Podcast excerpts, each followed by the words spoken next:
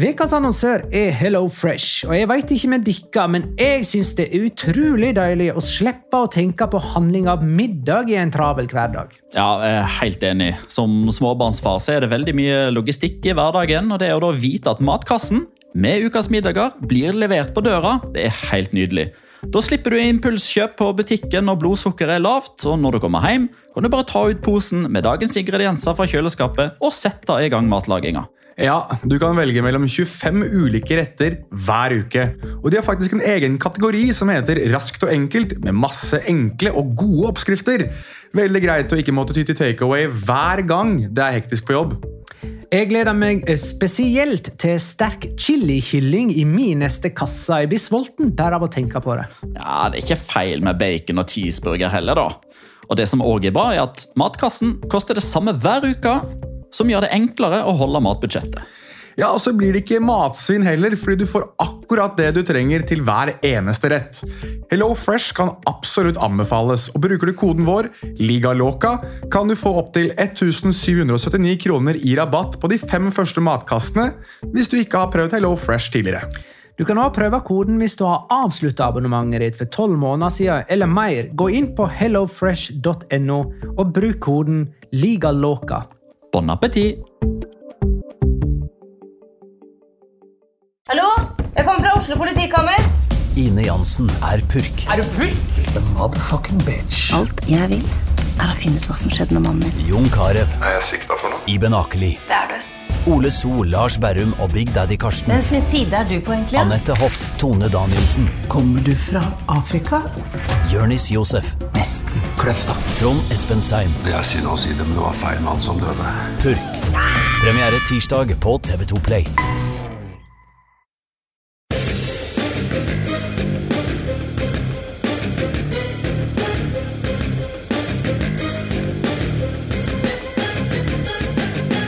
Har du sett? Real Madrid hadde kanskje tidenes svakeste benk, men elveren var akkurat god nok til å slå Uesca. Barcelona hadde en ganske god benk, for der satt Lionel Messi, som kom inn og snudde oppgjøret mot Betis. Alt mens ligaleder Atletico Madrid kan fylle opp et helt sykehus med koronasmitta spillere. La liga loca. En litt gærnere fotball. Ja, ja, ja, dette er La Liga Loca episode 151 av det ordinære slaget med Jonas Giæver i Oslo sentrum. Hei. Jo! Petter Veland i Spydeberg. Hei. Hallo! Og meg, Magnar Kvalvik på Bjerke. Jeg har ingen smalltalk-emne å spytte ut. Nei, det er greit å gå videre. Kjør på. Da går vi videre til runde 22. Kamp for kamp. Alaves Valladolid 1-0. Endelig en seier for Abelardo og Alaves takket være skåringen til Joselu, deres første ligaseier i 2021. Eh, Ronaldos Valladolid derimot er i fritt fall og ligger under nedrykksstreken. Levante Granada 2 2. Levante hadde ingen problemer med å slå Real Madrid forrige helg, men Granada var langt vanskeligere. Eh, To nye mål av José Luis Morales var ikke nok til seier for Valencias beste lag. Kennedy og Roberto Soldado skåra for Granada. Eh, Levante har skåra 31 mål. Bare fire lag har flere, og i løpet av de siste fem seriekampene har enten Morales eller Roger Marti, eller begge, skåra i samtlige oppgjør. Uesca, Real Madrid. Har du lyst til å si noe om Levante, Jonas? Du Ja, jeg, ja, jeg ville bare vet ikke, Vi skal kanskje litt inn på ham etterpå, men jeg syns det er i hvert fall greit å ta med i forbifarten at uh, Morales har signert ny toårsavtale med Levante. At han uh, har vel uttalt at han nå satser på å legge skoene på hylla i Levante. At han, uh, karrieren kommer til å ende der. Han er jo 33 nå, vel. Ja. Så Han er 33 og vil være 35 da, når den kontrakten går ut. Da passer det å legge skoene på hylla. Det er altfor tidlig for han. Ja, det er jo egentlig det. Det- Han kommer til å forlenge med ett og ett år etter det, for å se han eh, fysikken. Uesca Real Madrid 1-2. Rafael Varran, den store helten, med to skåringer for Real Madrid etter at Javi Galan hadde sendt Uesca i ledelsen. Dagen før denne kampen hadde Zinedine Zidane det som vel må kalles en liten utblåsning på pressekonferanse, eh, og det syns jeg kanskje vi skal snakke litt om etterpå.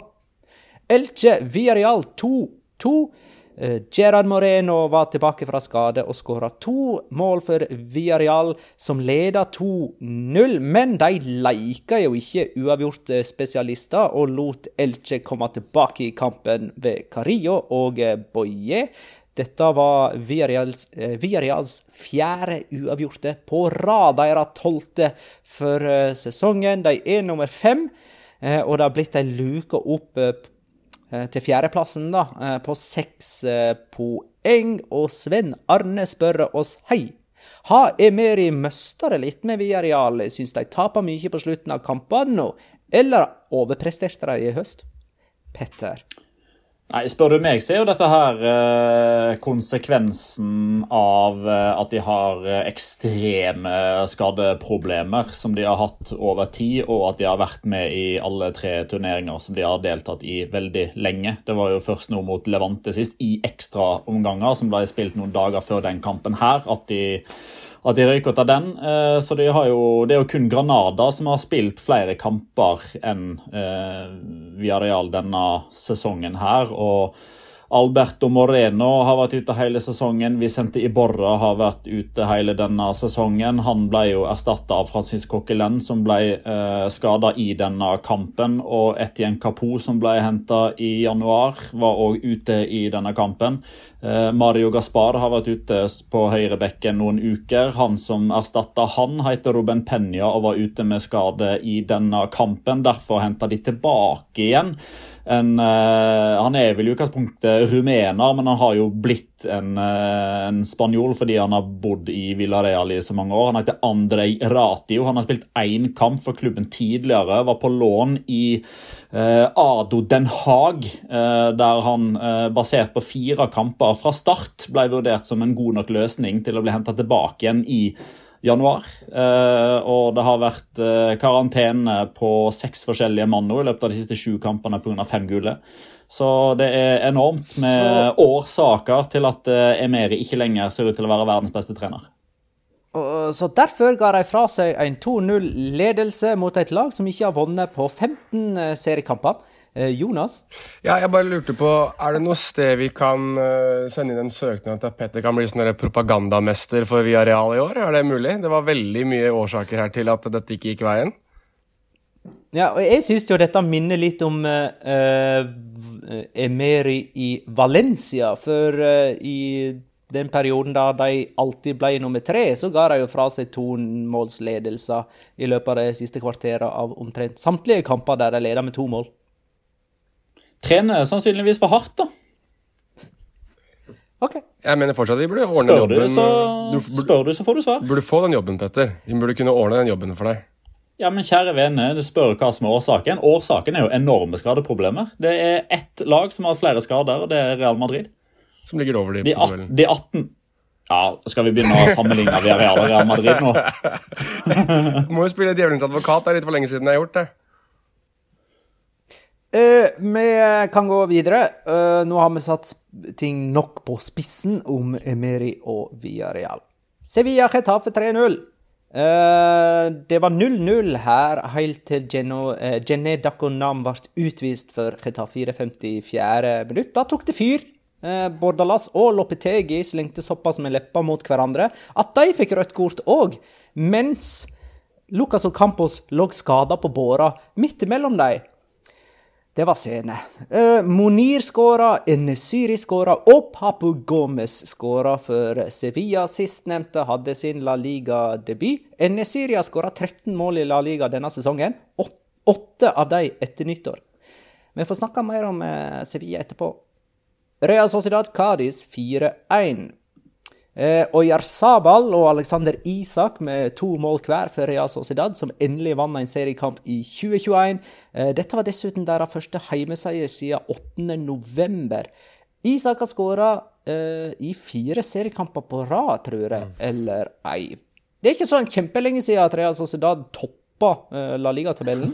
Uh, dog med flere kamper spilt enn alle andre. Nå er de nede på sjetteplass. Fremdeles uh, er de blant de med flest kamper. Mm. Atletic skal, vi, skal, vi snakke, skal vi snakke noe mer om det senere, eller skal jeg ta det jeg har nå? Ta det du har nå. Nei, altså Det som er si, nyheten her, eh, er jo at eh, Cádiz-presidenten eh, trykker 'publiser' på en, et åpent brev til den spanske fotballpresidenten i det øyeblikket Pizarro Gomez blåste av kampen. Der han egentlig bare sutrer i vei. Altså har, dette var jevnlig sånn utover høsten i fjor. mener jeg å huske At det kom pressemelding på pressemelding på pressemelding om den ene VAR-sjekken som ikke gikk i favør av den klubben som klagde. Altså, dette her er altså, du, du, du kan slå sammen alle de pressemeldingene, og så får du den til Kadis i går. Eh, men det verste er jo at de syns at eh, Matheo Lahos ja, vi kan kalle han oppmerksomhetssjuk, og haha, ikke overraskende av at det var han som eh, fikk Pizarro Gomez til å gå bort til monitor tre ganger. Men de ender jo med riktig vurdering hver gang. Altså det, det, er den verste klagingen jeg har sett noensinne. Og de har eh, fått passet påskrevet i dag med at det er, at det er nøyaktig samme Eh, hva skal jeg si, hjelpemiddel, eh, teknologi, som hjalp Kadis opp til La Liga, som nå visstnok er i ferd med å sende de ned igjen. Så ja, kjøss meg midt i ræva, sier jeg bare. Ja, så får jeg ta andre sida, eller Real Sociedad, der eh, David Silva var tilbake. Ble byttet, byttet innpå, og det er ikke et minutt for seint, egentlig, syns jeg. Altså, jeg syns hele Real Sociedad egentlig så mm, litt mer friskmeldt ut og har gjort det de siste par ukene, men det å få Silva og Oyarzabal tilbake igjen, i tillegg til at Alexander Isak plutselig også kan skåre med hodet Han gjorde vel det òg nå. Han har jo bommet mye med huet tidligere. Um, gjør at uh, de treffer jo den der formpiken rett inn før de skal spille Europaliga-matcher mot Manchester United. og jeg så det ble slått opp stort i spansk presse at Paul Pogba er ute av de kampene der. Så så man begynner nå å kjenne den der maningen til at det er Europa League-stemning, og at det kan skje noe ordentlig ordentlig spennende når, eh, når de lagene møtes. Selv om Adnan Janusay vel gjorde alt han kunne for å ikke skåre den kampen her, da. Han hadde vel eh, potensielt rundens aller største bom. Kommer han til å gjøre alt han kan for ikke å skåre mot Manchester United òg, eller? Det, ja, skal vi Ja, vi får, vel, eh, vi, vi får vel nesten anta det, bare sånn for narrativets skyld, regner jeg med. Litt sånn som John, John Guidetti ville heller ikke skåre mot Manchester United av respekt for sin tidligere klubb Manchester City. Frosk i halsen. Atletic klubb mot Valencia 1-1. Marcelino her mot klubben han hadde suksess med, men som likevel sparka han. Han fikk ikke en komplett revansj her. Uh, Ugo Guillamon eh, sendte Atletic i ledelsen med et sjølmål. Det var Valencias tredje sjølmål denne sesongen, uh, og det er den ene lista de toppa. Gabriel Paulista utligna for Valencia. Jonas? Jeg syns det er litt gøy med Atletic. At de har nesten fått en sånn Raúl Garcia-dependencia. At de, de, ser litt annerledes ut uten altså For han og Moniain, da, men at det det var så tydelig hvor forskjellig det egentlig var også. Altså Valencia eh, må jo egentlig si at de jevnt over spiller en ganske ok kamp her. Det er ikke noe sånn at de blir pissa på eller at de henger i tauene hele kampen gjennom. Jeg syns de har nok sjanser til å kunne avgjøre her selv. så så jeg syns eh, både altså Marcelino kom jo godt ut av det med tanke på at han ikke taper mot sin tidligere arbeidsgiver, men Valencia er ikke redde for å gå i strupen på, på Atletic, de heller. Så jeg, og så er det jo den der ene kanonredninga til Jaume Domenech som egentlig kanskje er grunn aleine til at Valencia ikke taper den kampen her, men samtidig så er det en av de mer underholdende 1-1-kampene jeg har sett på en stund. Uh, må ta bare et eller annet uh, Vi må ha liksom den, den ukentlige være negativ til Valencia-varianten. Ja, ja, jeg, jeg, vet ikke om dere fikk det med dere, men uh, Kevin Gamero uh, har jo vært i litt sånn hardt vær uh, nå, fordi han har jo vært ute med positiv covid-19-test, i likhet med hele familien. altså alle, familie, alle medlemmene av husstanden testa positivt. og så skulle han på et Av en eller annen grunn så måtte han til Paterna, som da er treningsfeltet til Valencia. var tydeligvis ikke så veldig løsningsorientert og spurte om f.eks. noen kunne kjøre det han trengte til han der han var. Så han tok med seg hele familien eh, i bilen, kjørte til Paterna og fikk henta disse greiene her. og Slo av en prat med noen av de som eh, jobber rett på utsida der, som i utgangspunktet ikke er noe big deal. Men det er et eller annet med Valencia sin kommunikasjonsavdeling som er så høl i huet nå. fordi det er jo, altså Klubbene har jo eh, et visst ansvar, eller de, de, føler at de har et visst ansvar, til å til enhver tid eh, kommunisere ut hva som skjer innad i klubben. Som for eksempel da, Når en spiller testa positivt, så gir de beskjed om det. Og når vedkommende er tilbake på treningsfeltet, så gir de beskjed om det. Sånn at supporterne skal vite hvem som er tilgjengelig til neste kamp osv. Det gjorde da altså Valencia på følgende vis etter at Kevin Gameiro da hadde fått kritikk for å reise til eh, Paterna med koronasmitte. Uh, vår spiller, Kevin Gameiro, er etter å ha fullført absolutt alle mulige protokoller i forbindelse med covid-19 som har blitt satt av helsemyndighetene Vi ønsker han god bedring og velkommen tilbake. Og Eibar 2-1. Kalerio eh, Bodimir eh, skåra for Osasona. Kike skåra for Eibar uten at det hjalp stort for klubben som aldri har rykka ned fra La Liga, og som nå ligger på 17.-plass A-poeng med Valladolid på 18. Jonas? Eh, jeg må vel da bare sende en eh, aldri så liten unnskyldning i retning Pamplona og Jacoba Arrazate for sist uh, uke. For å ha virkelig slaktet dem, eventuelt gitt dem et ordentlig spark i rumpa. For den kampen her var gøy! Her skjedde det mye. Her var det offensivt, her var det moro. Her var det to lag som ikke la seg bakpå, og så var det Osasona som spilte veldig god angrepsfotball tidvis, syns jeg. Uh, og jeg, altså, jeg veit ikke, jeg, men jeg begynner å kjenne Ante Bodimi begynner å bli en sånn liten kjæledegge for meg nå. Han har, eh, altså, Mallorca-sesongen er noe én ting, men jeg syns han ser enda friskere ut i det laget her. Så, um, og i tillegg, og i tillegg, så fikk vi se Timmy Avila på, på tribunen, og det gjør jo at man kjenner at det bruser ordentlig i blodet, og at du kjenner deg nesten litt vårer bare det. ass. Da, da kan det bli riktig så gøy å se, se Osasona. Og så kan så skal da Jakob og Arrazate få en liten unnskyldning fra meg for forrige uke. Um, skal vi se, da var vi kommet til den foreløpig siste kampen som er spilt. Uh, sannsynligvis er ikke det tilfellet nå idet podkasten kommer ut, men like fullt um, Real Betis Barcelona 2-3. Eh, Real Betis leda 1-0, men så satte Coman inn Lionel Messi, og da ble Barcelona et bedre fotballag, faktisk. Eh, han utligna to minutter etter at han kom inn. Victor Ruiz skåra sjølmål for eh, Betis, og dermed har Barcelona nytt godt av fire sjølmål denne La Liga-sesongen. Bare Antoine Griezmann og Messi har skåra flere enn fire mål for Barcelona. Så sjølmål er altså tredjemann på toppskårerlista deres. For det er, si det sånn, da, det er, det, er, er, det, lillebroren til Antonio Puerta? Altså Propio Puerta? Ja, eh, ja. stemmer det. Mm. Propio Puerta er da Atlet eget mål på spansk. Sånn, ja. Gå an! Ja, det er bra poeng, eh, Jonas. Jeg tar det for gitt at alle kan spansk. Det er veldig bra, Jonas. Ja. Atletico Madrid Celta Vigo har ikke blitt spilt når vi sitter og spiller inn denne episoden. Han blir spilt mandag klokka 21. Celta Vigo og Elche er de to lagene som fortsatt står uten seier i 2021, med mindre noe har skjedd på Wanda Metropolitano denne kvelden. da. Eh, Atletico Madrid mangler seks spillere pga. covid-19. Mm. Det gjør det. Petter, hvem er det egentlig? Har jeg vært på fest, eller? Skulle nesten tro det. Man kan, man, jo, men altså sånn det, det, kan vi spøke med, men så tar man seg jo i å tenke litt sånn Hvorfor er det noen klubber som er langt mer ramma enn andre? Um, er det sånn at uh, resten av spillertroppene er bortimot immune fordi alle pådro seg covid-19 i sommerferien, men ingen har fått vite om det? Uh, eller er det det at uh, Atletico Madrid og Granada og Atletic, som vel er de tre klubbene som har hatt flest tilfeller, er det sånn at de er eh, dårligere på å holde eh, disse smitteverntiltakene i sjakk? Er det det at de har lengre reisevei til og fra treningsfeltet? Har de større familier? Altså det, kan jo være enormt med årsaker til det. Men for å svare på spørsmålet ditt, så er det Hermoso, eh, Herrera, Thomas LeMar, Joe Felix og Dembélé.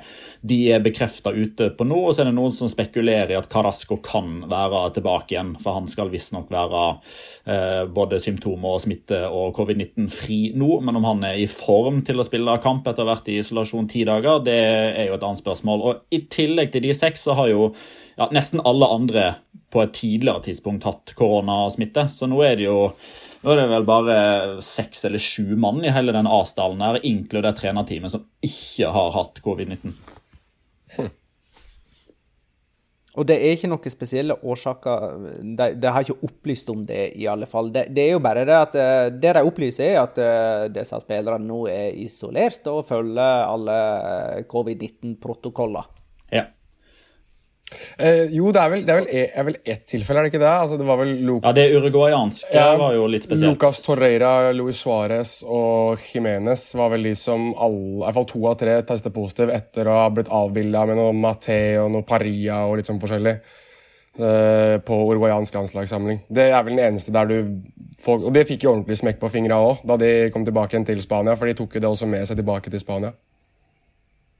Det har ikke opplyst noe om hvilken type koronavirus det er, altså om det er noen muterte varianter. Det får vi ikke vite enn så lenge.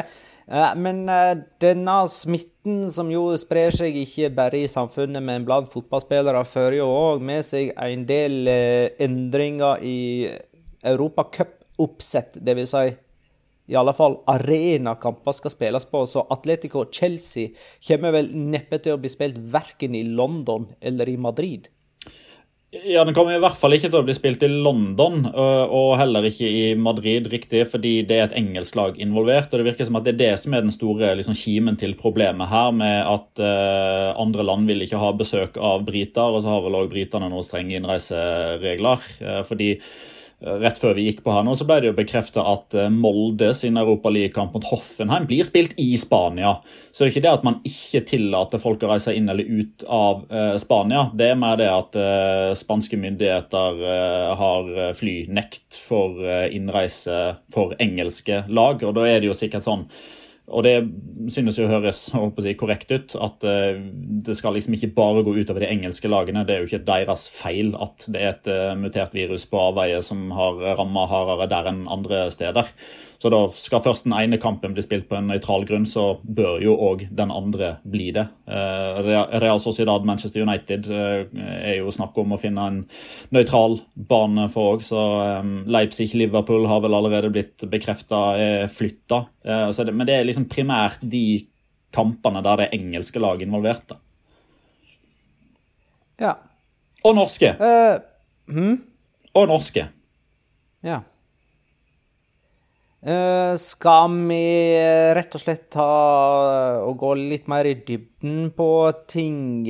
Den siste kampen jeg nevnte av de som har blitt spilt, var jo Betis Barcelona, som endte med 3-2 til Barcelona. Det vil si ni strake borteseire i serie og cup nå for Barcelona. Det, er en sterk kontrast til høstsesongen, der de vant vel bare én av de første fem seriekampene på bortebane. Dette var for øvrig fjerde gang at Barcelona snudde en kamp i 2021. De lå under mot Atletico snudde den i La Liga, og så snudde de nå mot Betis, og så har de snudd både mot Rayo Vallecano og Granada i Copa del Rey.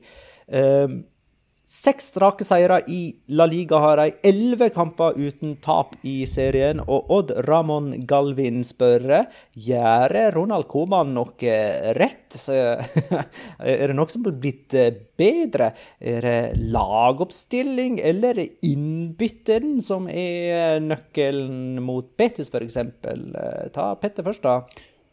Altså For å ta det, det siste som har skjedd først. Altså I går så var det jo åpenbart at det var én faktor som spilte inn i snuoperasjonen. Det var jo Messi. Eh, og saken er jo at uh, man tar en titt på tabellen og man tar en titt på hvor langt man har kommet i diverse turneringer, og så har man ikke lyst til å ha en ny troféløs sesong, og konkluderer jo med at den kampen som kommer onsdag kveld, uh, borte mot Sevilla på Ramón Sánchez Pizjuan, er viktigere.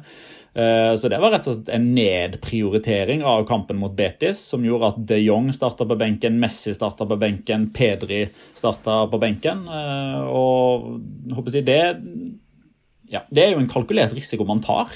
Eh, sa jo etter kampen at eh, han hadde snakka med Messi dagen før og funnet ut at det, det kan være lurt å finne noen sånne hvilepau- altså pustepauser iblant. Eh, og da var det ikke nødvendigvis det at Betis borte ikke er en vanskelig kamp, eller at man ikke har eh, utfordringer eh, som står i, i kø der. men akkurat i det kampprogrammet man er i nå, da, så måtte man prioritere. Eh, men han sa jo samtidig at han, det var jo ikke snakk om at Messi ikke skulle reise, at han skulle få fri. Han skulle jo være på benken, og så skulle de hive han innpå hvis det ble bruk for han. Og det, det var det jo. Men Syns du at Barcelona ser bedre ut nå enn det de gjorde i høst, Jonas? Ja, det at Messi ser bedre ut, så ser Barcelona bedre ut. da. Og Messi syns jeg har sett bedre ut uh, den siste tida. Og det er litt rart, for det Han skåra vel bare på straffa, han, i, i høst. Ja. Han var jo nesten uh, en skygge av seg sjøl, og ja, bomma jo på ganske store sjanser. Flere Ja, ganger. og her hadde han jo en type sånn Messi-esk scoring der han drar seg inn fra høyre og hamrer den i nærmeste. I, i nærmeste og ehm, jeg tror Jeg, jeg satt, satt og tenkte over det nå i stad og egentlig litt i går òg. Altså, er det noe lag i Europa som Hvis du kanskje ta, tenker Brune Fernandes i Manchester United, da, men er det noe lag som er såpass avhengig av én spiller, altså av topplagene som er avhengig av én spiller til å prestere for at de skal prestere, enn det Barcelona er av Messi? Og jo oftere jeg tenker over det, jo mer jeg prøver å sette det opp, så er svaret nei i mitt hode, altså. Og, og det er liksom Det er litt, det er litt rart å se på. Altså, det er veldig, veldig rart å se hvordan for han, er så, han begynner jo å bli så gammel, holdt jeg på å si, og, og egentlig har ikke det samme, den samme råskapen som han hadde tidligere, men samtidig så er han bare så utkrystallisert bedre enn det resten er. Men han har bare ikke prestert på det nivået eh, denne sesongen, og da har ikke Barcelona prestert på det nivået heller. Og så ser vi nå hvor de klarer da å, og skru volumknappen opp en del, en del hakk når Lionel Messi klarer det, han også. Det er em, Litt fascinerende, men samtidig så tenker jeg da at den der situasjonen som han nå går inn i til sommeren, der han skal ut av kontrakt, er på forsiden av France Football i forbindelse med PSG og, og sånt, og den blir jo enda mer trykkende.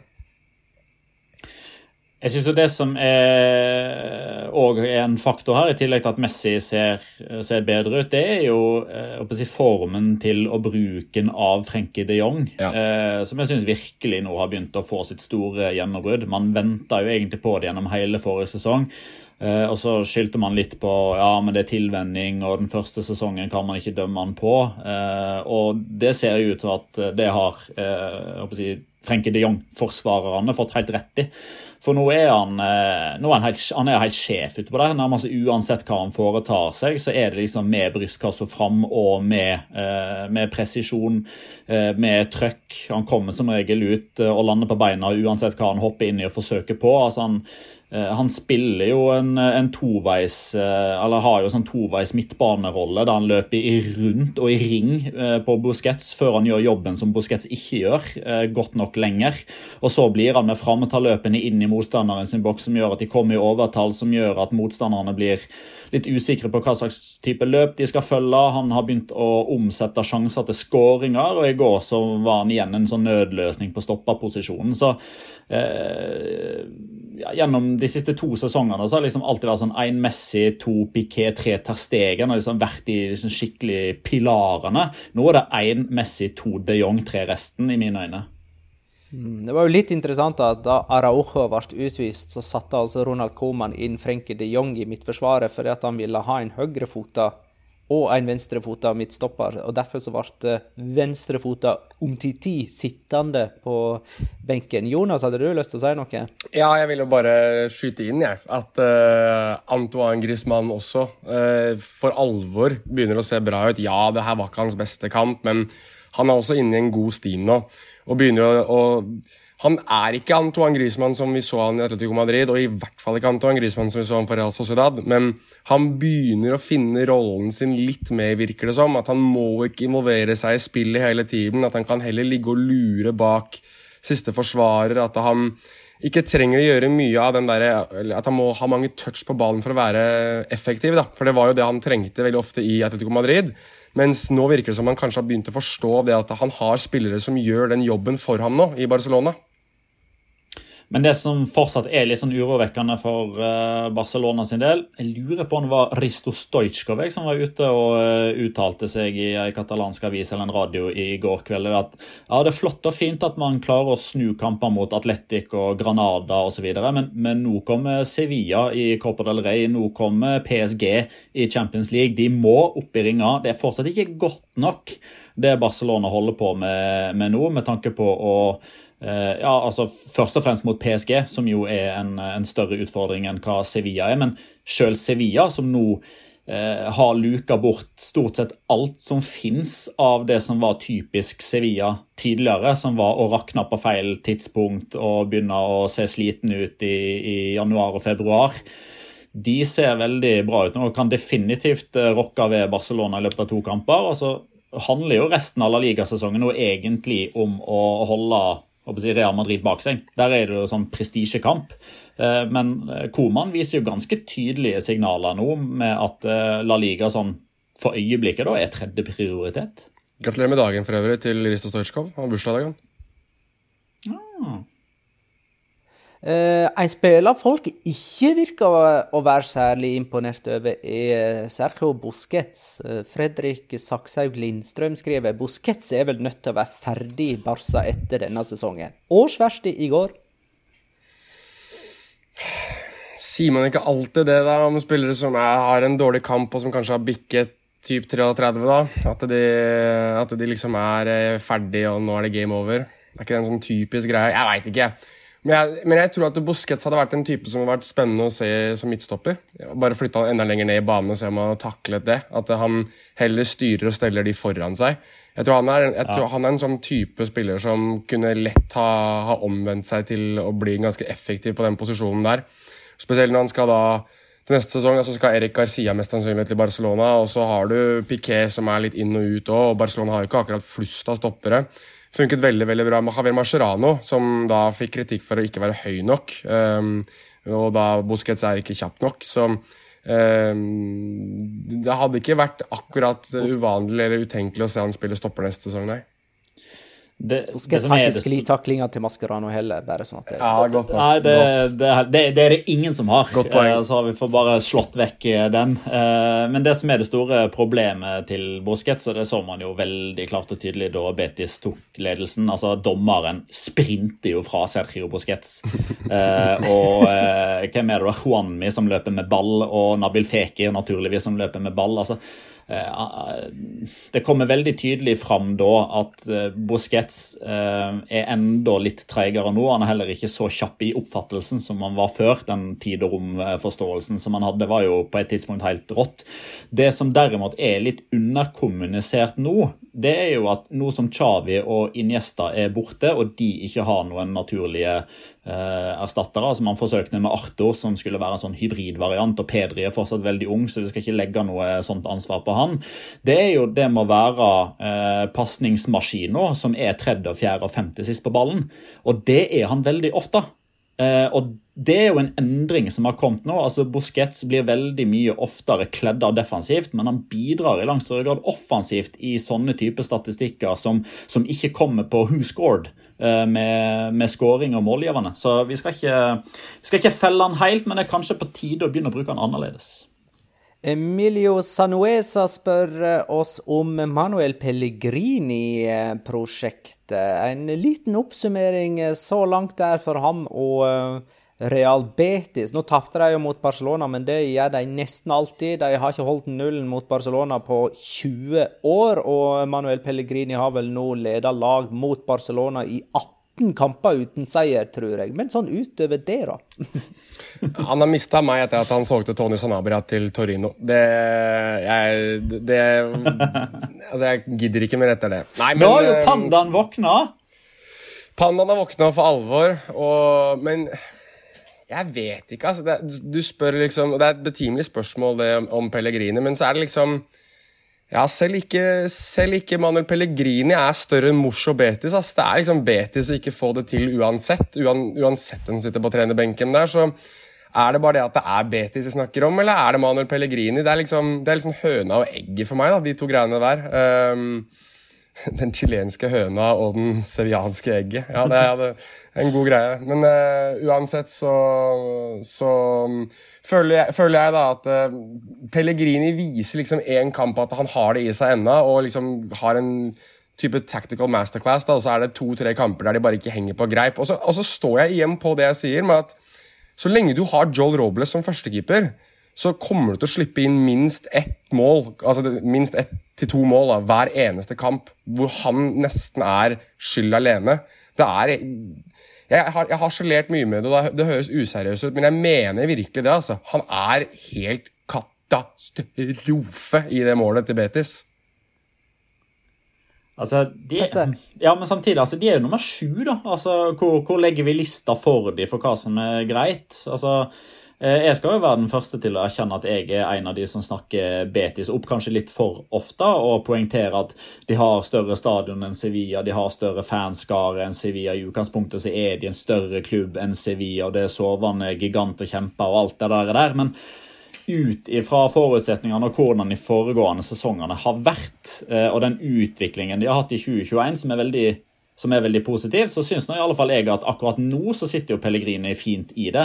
Eh, at det ble stilt spørsmål eh, sånn i, i november-desember, når det virkelig gikk på tverk, og de tapte sju av ni seriekamper på rappen der, eller sånt. Da, da skjønner jeg det. men Eh, Sjøl da så satt jo vi, eh, i hvert fall jeg, og sa at ja, men Pellegrini kommer ikke til å bli sparka, for det er en så tung prestisjesignering fordi han har fortsatt et så stort navn eh, i verden. Eh, men primært i Spania, der han har hatt store deler av karrieren sin, både håper jeg, begynnelsen og nå kanskje også slutten. Eh, så det å, å, drive og snakke om eh, at det ikke går så veldig bra der nå, det, det skjønner jeg ikke helt. Jeg, bare for å tre nisselua litt på meg, da, eller være litt anglofil for de av lytterne våre som kanskje ikke er helt med på det. Altså, jeg, jeg, jo mer jeg tenker Betis, jo mer tenker jeg Westham. Og jo mer jeg tenker Sevilla, jo mer tenker jeg Tottenham. Uh, at det er liksom litt det at den ene klubben skal være større enn den andre, men så begynner det å bli ganske mye tydeligere at selv om kanskje den ene klubben er større, så er den andre klubben så markant mye bedre. Uh, og uansett hva den der prestisjetunge gamleklubben prøver å gjøre, så klarer de aldri helt å, å hanke innpå da, den, der, den nye vinen som er, i, um, som er, på andre siden av byen. Da. Det er um, litt, sånn, litt sånn artig å se hvor like de to er, samtidig så ulike, da, selvfølgelig. Neste kamp for eh, Barcelona er altså semifinaleoppgjøret i Copa del Rey mot Sevilla på Ramón Sánchez Pijuan. Eh, det er onsdag denne veka, eh, litt sånn avhengig av hvilken veka du faktisk hører denne episoden. Men Sevilla er jo på vei mot noe stort. De slo altså Getafe denne helga. De har fire strake seire og bare ett tap på de siste elleve i La Liga. Det tapet kom mot den suverene serieleder Atletico Madrid, og det samtidig altså som de har tatt seg til semifinale i Copa del Rey. På de siste sju offisielle kampene har de sluppet inn ett mål og vunnet alle. Uh, og bare én gang i historien har de hatt flere poeng etter 21 seriekamper enn det de har nå. Det vil si 42. Nå ble uh, Lucas Ocampo skada i denne kampen mot Retafe, og Jan André Muraz Hagen spør hvor mye svekker det Sevilla, og hvor lenge er han ute?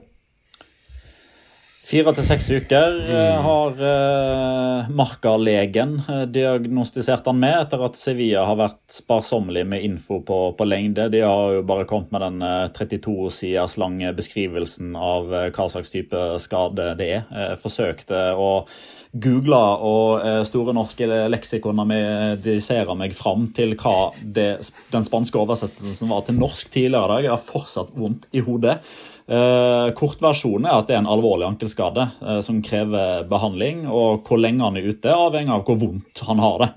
Uh, og at han har vondt, uh, det kan jeg forstå. Jeg begynte nesten å, uh, å skrike i smerte sjøl når produser i Sevilla Retafe valgte å vise det igjen og igjen og igjen og igjen og igjen. Kun avbrutt av et lite slagsmål nede på sidelinja.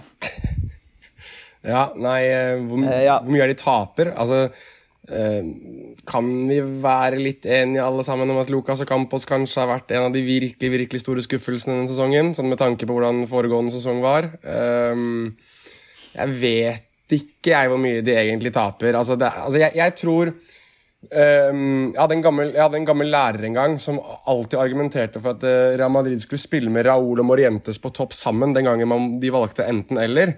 Uh, og det grunnla han med at uh, Eller grunnla, det, det, ga han grunn for ved å si at det, det, at du har begge to på banen, gjør at forsvarsspillerne alltid må følge med på begge to, som gjør at du åpner rom for en av dem. Og Det, synes, det har alltid gått litt, jeg har alltid tenkt litt mer på i etterkant. når jeg tenker på sånt. Og Det er litt sånn Lucas Ocampos er òg, at selv om han ikke er så effektiv, så må du alltid følge med på hvor han er hen. Han er en spiller som er et uromoment i seg selv. Og, så du, du, taper jo det, da. Du taper jo en type X-faktor som kan være med å åpne for, for, for, for medspillere mot motstander. Det er faktisk akkurat det Jan André Muraz Hagen sjøl foreslår i uh, ja, ja. den uh, tweeten. Uh, Petter?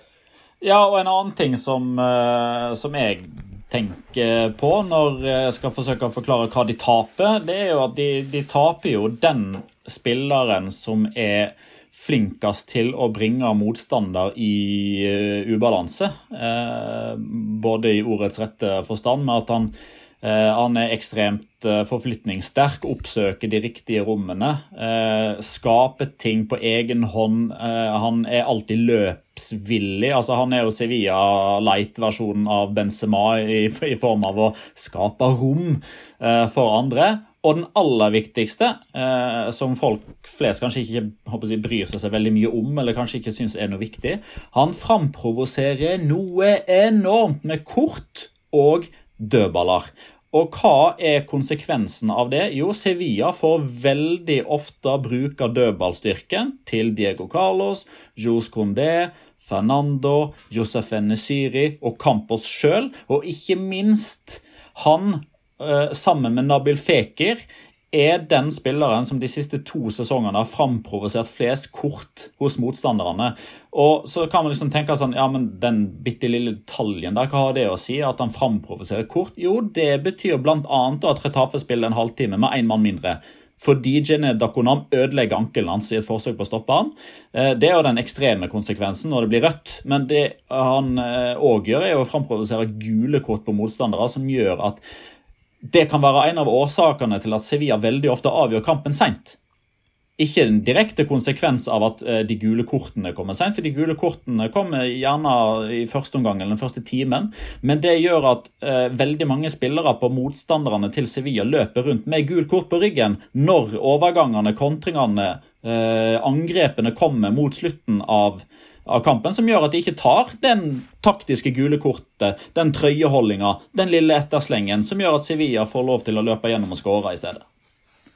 Og så eh, har vel kanskje eh, Papu Gomez kommet i grevens tid, som en slags erstatter i en annen rolle, selvfølgelig, men uh, likevel X-faktor og en uh, trussel. En uh, person eller en spiller andre, eller motstandere må ha et ekstra øye til.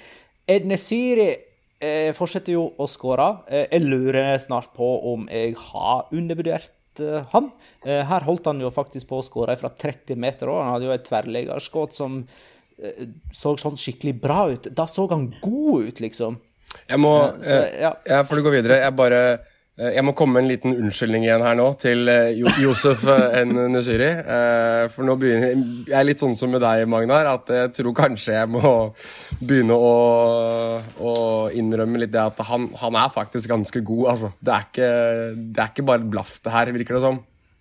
Litt av en showdown uh, om uh, ei uke, da, med Haaland versus Nesiri. Ja, men du, det, det, skal du ikke Det er ikke noe å kimse av, altså, for det er to spillere som altså, Haaland er kanskje ikke i sin beste form nå, men du har to virkelige sånn monsterspisser på hver sin side, da. Så det um... Nesiri er jo i den formen som Haaland var da han kom til Dortmund og ja. for så vidt forlot Salzburg. Mm. Uh, ja, jeg ser Dortmund har én seier på de siste fem seriekampene sine. Hva sier du om dem, vår Bundesliga-ekspert, Petter? Jeg kan kalle meg korrespondent uh, i den sammenhengen her. Jeg er jo uh, leid ut til Nent for å ha full kontroll på de tyske motstanderne som, uh, som spanske lag møter. og det jeg ser, er jo at Dortmund ser jo ikke bra ut i det hele tatt. Det trenerbyttet som de gjorde da Favre måtte gå, virker jo som å være Altså, Favre har jo egentlig aldri vært en sånn skikkelig favoritt i Dortmund. Selv når det har gått, bra, så har eh, journalister og, eh, og fans videre egentlig hatt noe å plukke på han hele tida. Og når det virkelig går dårlig, altså typ etter den 1-5-kampen mot, eh, mot Stuttgart, da var det liksom ok, greit, nå, eh, nå blir vi kvitt han. Eh, problemet er jo at de hyrer inn en trener eh, som heter Edin Terzic, som ingen hadde hørt om før.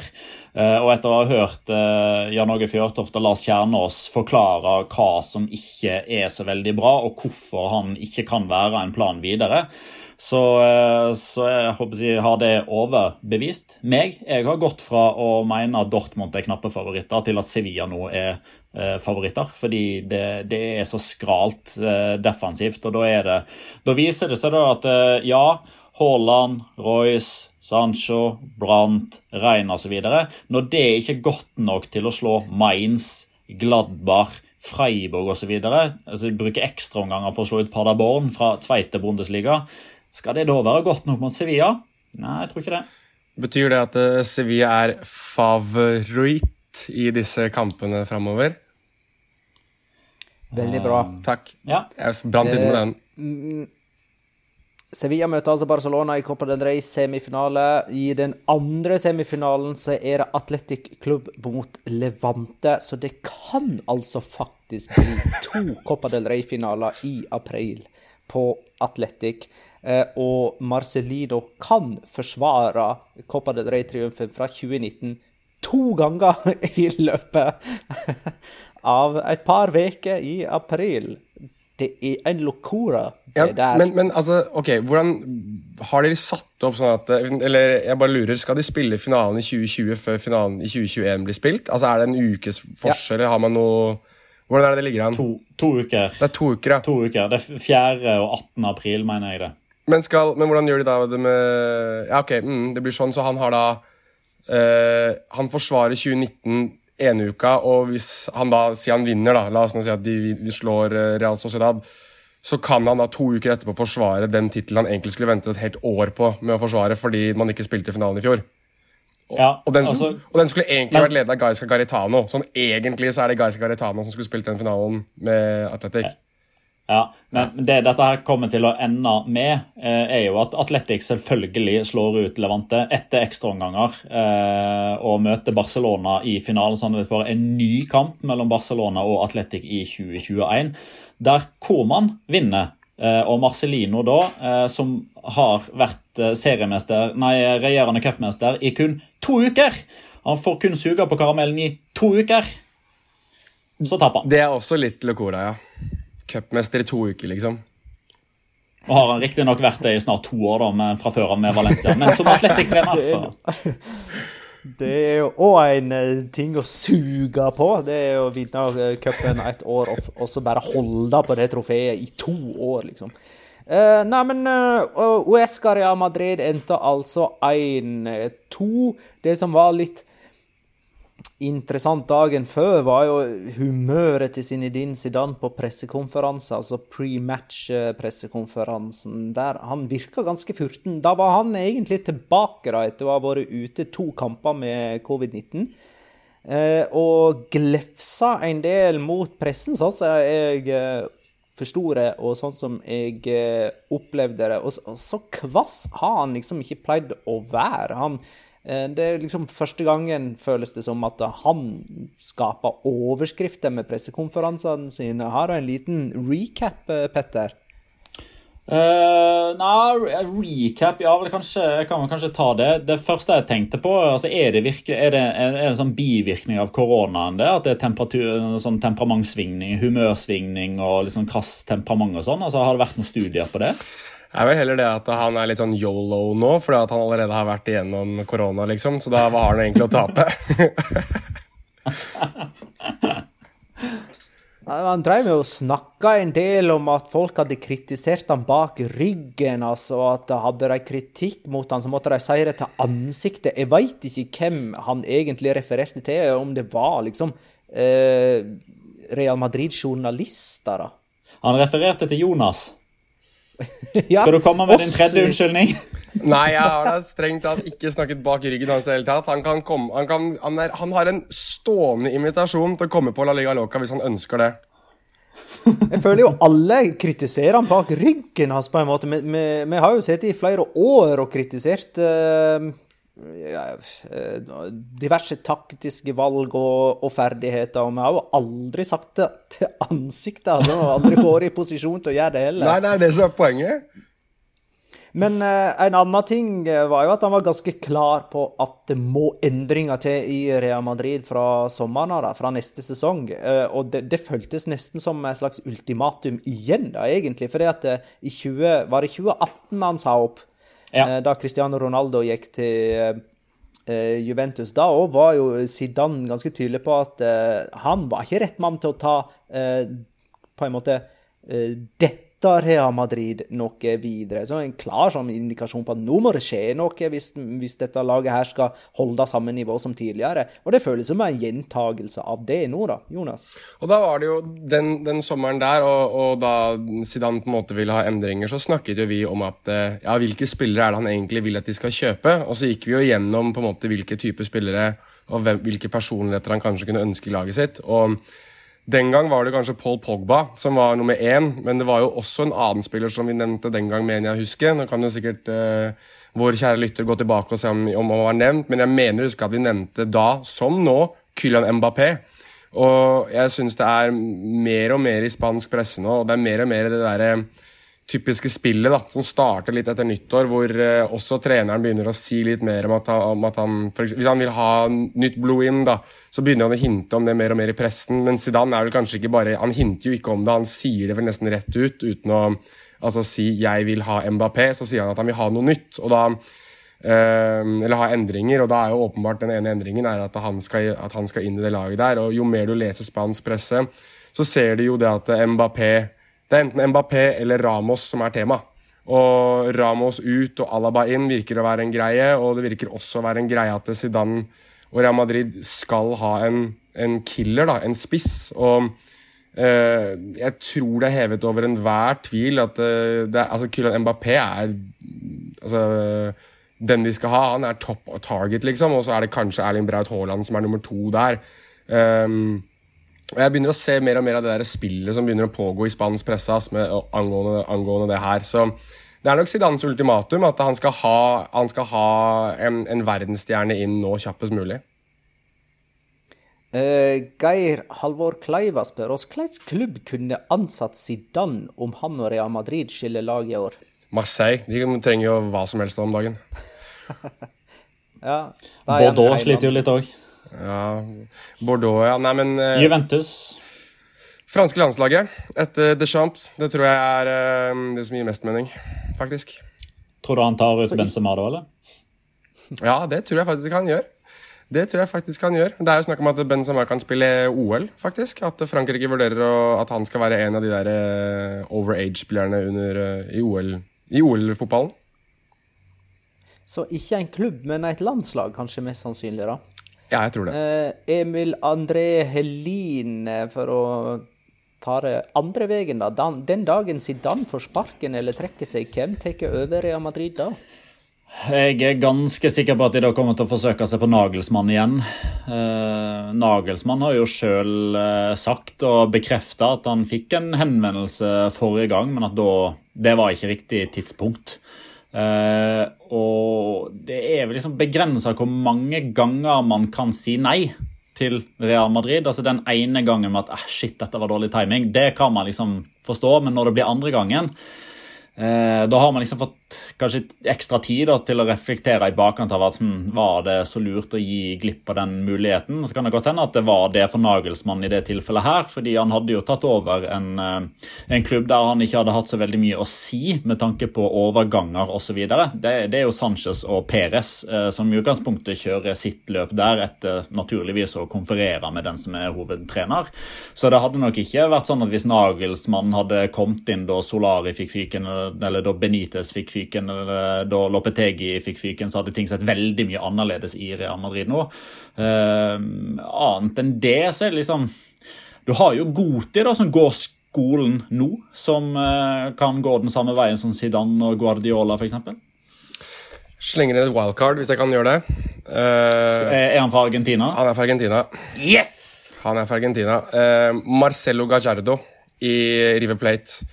Jeg sitter med en følelse av at uh, Real Madrid følger litt med på hva som skjer rundt ham. fordi nå er nå røk jo River Plate i semifinalen i Copa Libertadores. Er det, altså det er jo nesten blitt sånn at hver eneste Copa Libertadores-finale så spiller River Plate. Og Gallardo har jo strengt tatt bygget det laget der nesten egenhendig opp fra Han tok det ikke opp fra, fra Serie B, det var det Mathias Almeida som gjorde, tidligere Lynspilleren.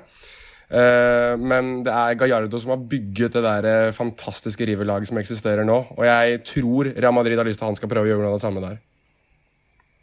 Uh, Mathias Andreassen spør om benken til Real Madrid i helga var den svakeste i deres klubbhistorie. Uh, det kan godt hende at det er tilfellet, og så lurer jeg på om ikke den benken de skal stille med Eh, i morgen, tirsdag 9. februar, blir enda hakket verre. Eh, for da er òg Tony Cross ute med karantene.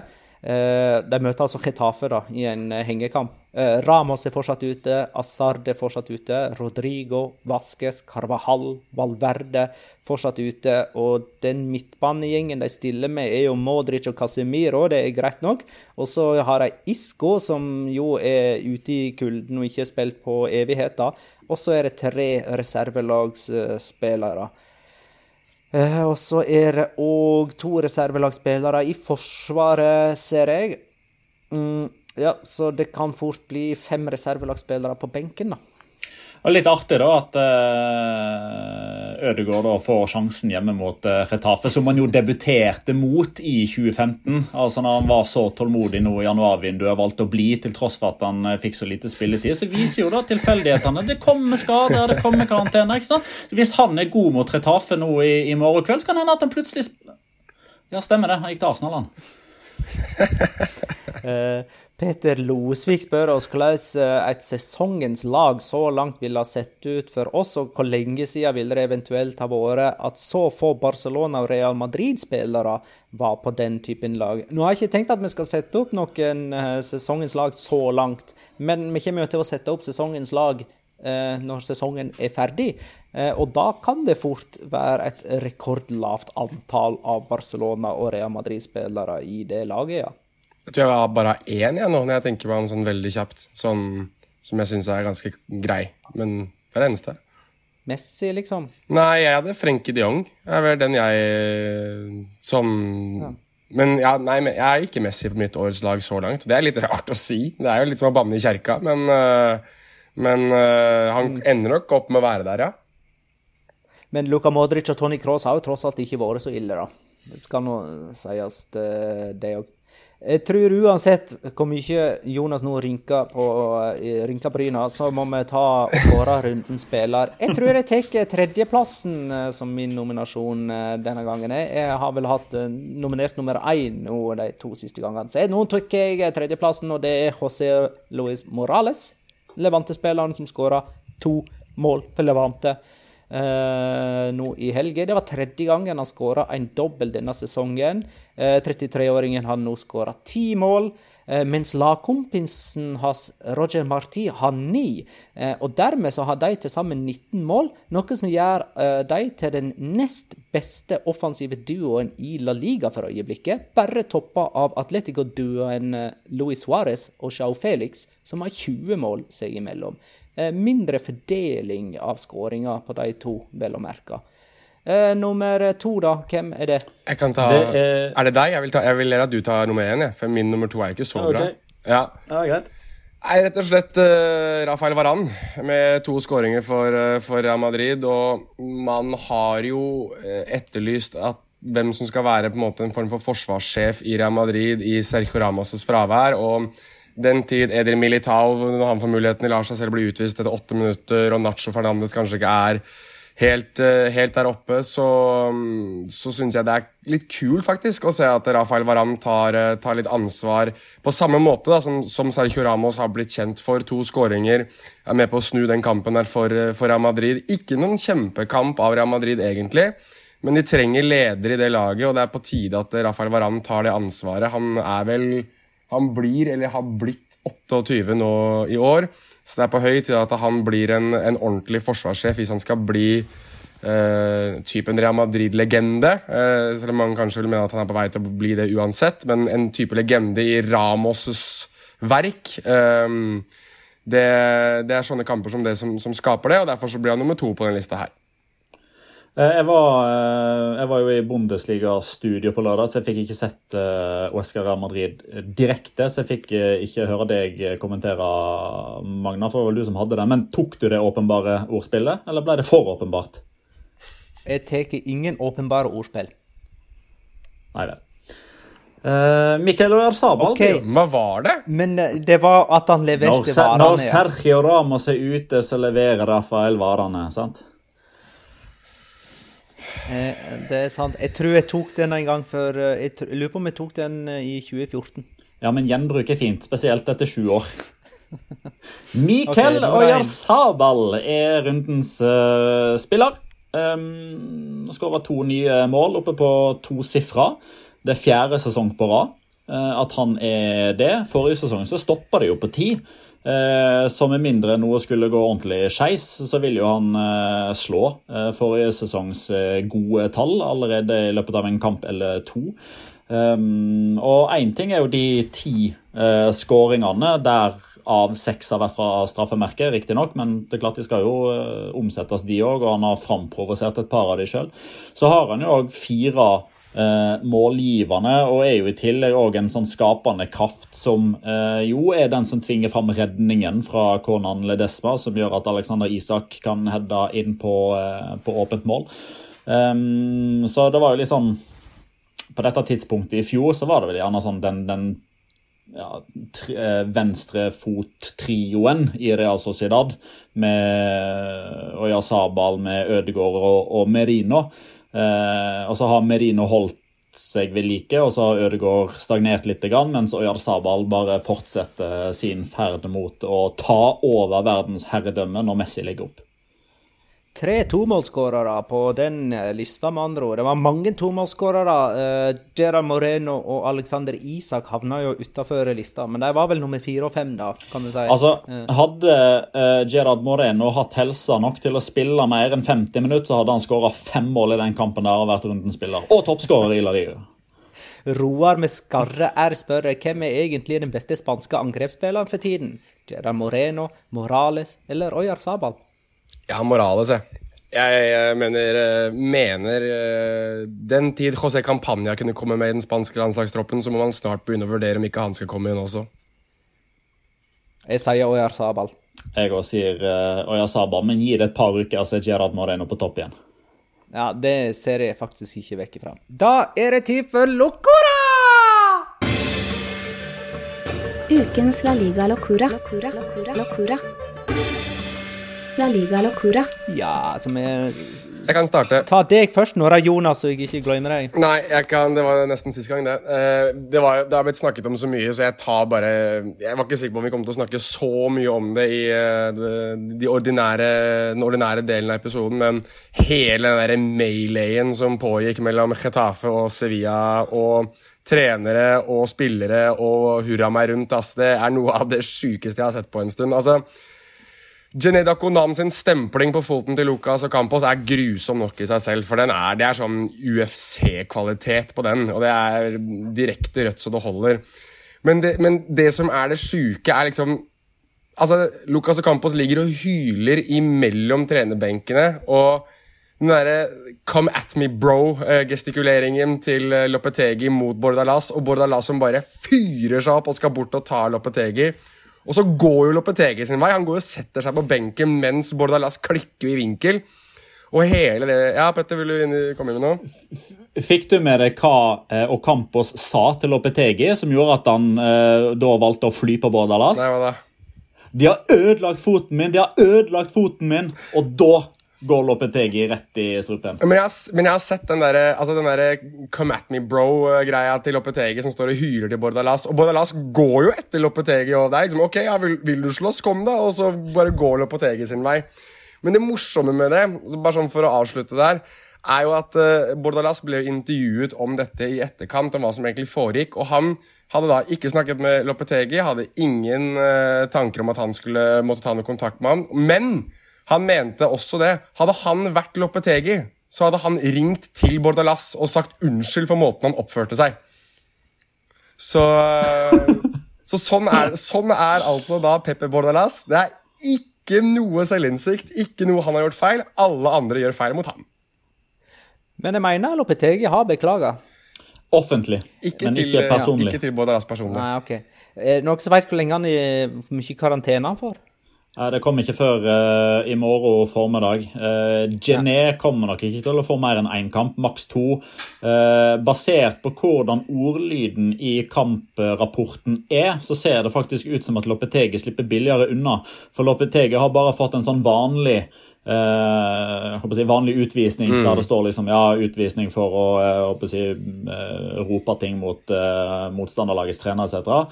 Mens eh, dommer eh, Martinez Monoeda har lagt til i kamprapporten at Bordalas dytta en tjenestemann.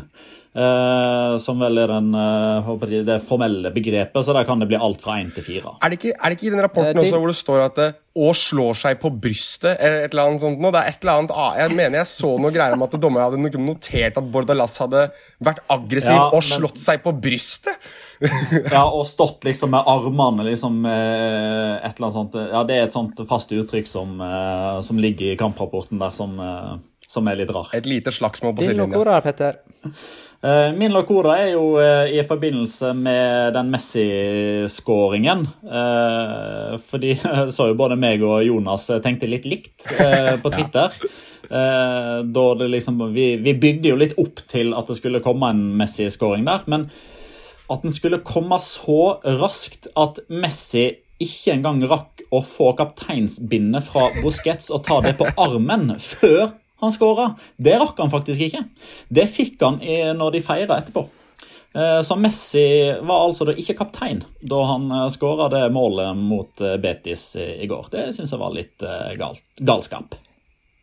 Min Locora er fra samme kamp, og det er jo Betis-stopper Victor Ruiz sin eh, andre omgang, der han først skåra sjølmål som gir Barcelona 2-1, og så skåra utligningsmålet til 2-2, og så sjøl selvfølgelig ha en kjempetabbe på slutten som gir Trincao muligheten til å sette 3-2, og det, det sjølmålet Victor Ruiz uh, skåra, er jo det, Antoine Griezmann skal jo egentlig sette ballen i åpent mål, mer eller mindre, men bomma på ballen, får han på hælen og hele ballen utover i føttene på Victor Ruiz, som da også via han og i mål.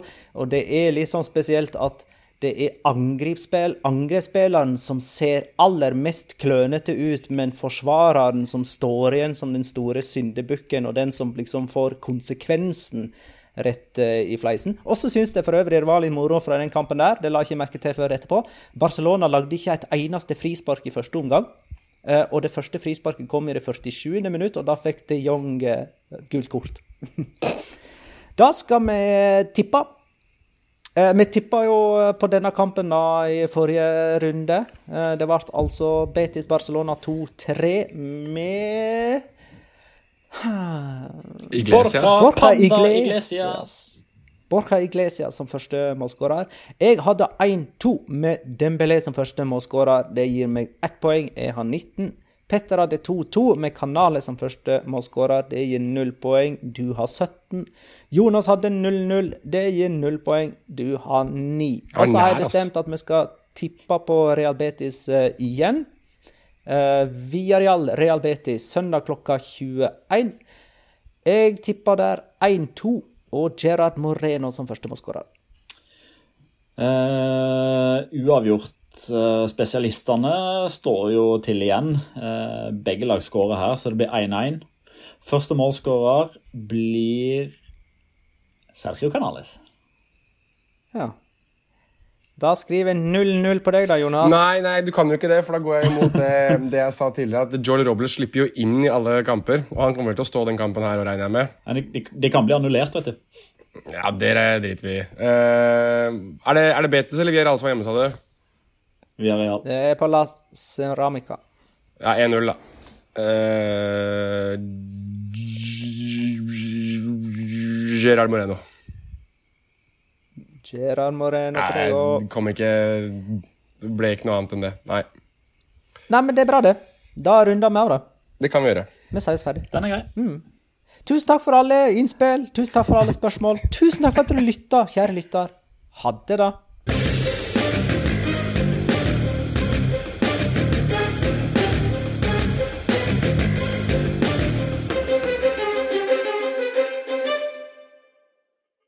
Har du et enkeltpersonforetak eller en liten bedrift? Da er du sikkert lei av å høre meg snakke om hvor enkelt det er med kvitteringer og bilag i fiken, så vi eh, gir oss her, vi. Fordi vi liker enkelt. Fiken superenkelt regnskap.